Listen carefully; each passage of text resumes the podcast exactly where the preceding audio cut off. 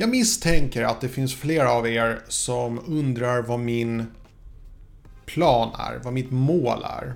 Så idag ska jag faktiskt göra så att jag ska avslöja min hemliga strategi, vad mitt mål på YouTube egentligen är. Mycket nöje.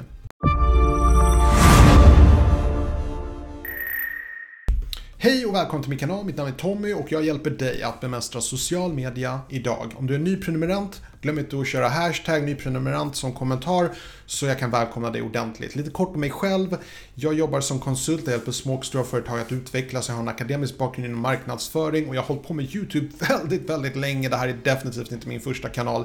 Så dagens video ska jag avslöja vad mitt mål är med just den här kanalen, okej? Okay? Så det är ingen hemlighet och jag tror inte riktigt på det här med hemligheter. Jag tycker man ska ha väldigt tydlig i vem man är för att allting kommer ändå synas i efterhand. Jag menar, om man tittar på utvecklingen på den här kanalen 100 år från nu, då kommer man se det solklart vad målet var. Så varför inte bara avslöja det från början? Därför ska jag avslöja precis hur det ligger till, vad mitt mål är. Mitt mål är att bli den bästa YouTubern, den bästa svenska YouTubern i alla fall. Eh, och när jag säger det så måste vi diskutera ordet bäst. När jag säger bäst så menar jag inte att jag vill vara bättre än Therese Lindgren. Det betyder inte att jag vill vara bättre än Vlad Razer. Jag vill vara bäst på min sak. Förstå skillnaden. Vlad Razer är bra på sin sak. Eh, Mikael från Cluey News är bra på sin sak. Och jag vill bli bäst på min sak. Jag ska förklara för er vad min sak är. Min strategi, min hemliga strategi, det är att vara den mest generösa YouTubern som finns. Den mest generösa svenska YouTubern åtminstone. Det finns riktigt generösa YouTubers där ute. Jag tror inte jag kommer riktigt nå samma mål. Och um, jag har en teori att om man är generös, snäll och erbjuder allt man bara kan för sina prenumeranter så kommer bra saker att hända.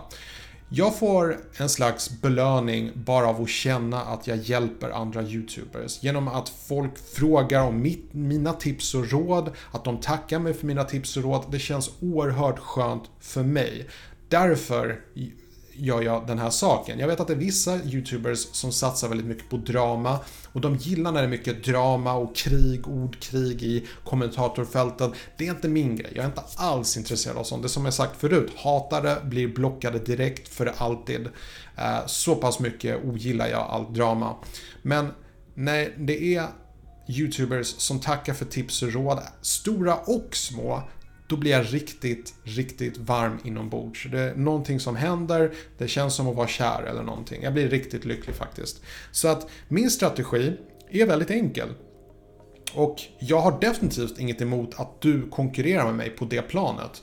Jag kämpar om att bli den mest generösa YouTubern.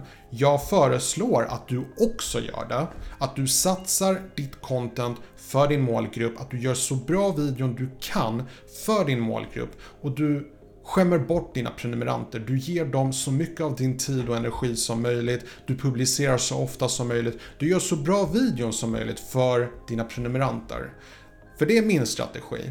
Och jag är helt övertygad om att genom att använda mig av den här hemliga strategin så kommer jag faktiskt bli en av de mest framgångsrika YouTubers som har funnits i Sverige.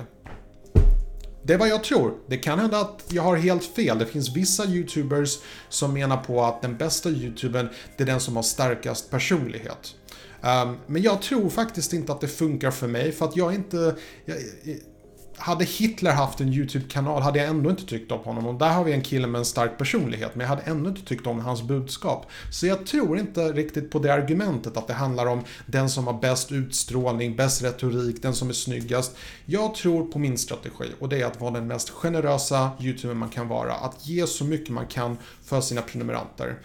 Om jag lyckas med det, då är jag nöjd. Och jag känner redan nu att jag är framgångsrik. Jag känner att väldigt mycket, många av mina prenumeranter är väldigt nöjda med mitt innehåll. Så jag känner mig faktiskt redan nöjd. Men jag kan säga att det är fortfarande mitt mål, att vara den mest generösa YouTubern i Sverige. Har jag avslöjat min grej? Vill du avslöja din eh, hemliga strategi? Skriv jättegärna ner den i kommentatorfältet och kom ihåg, ärlighet varar längst.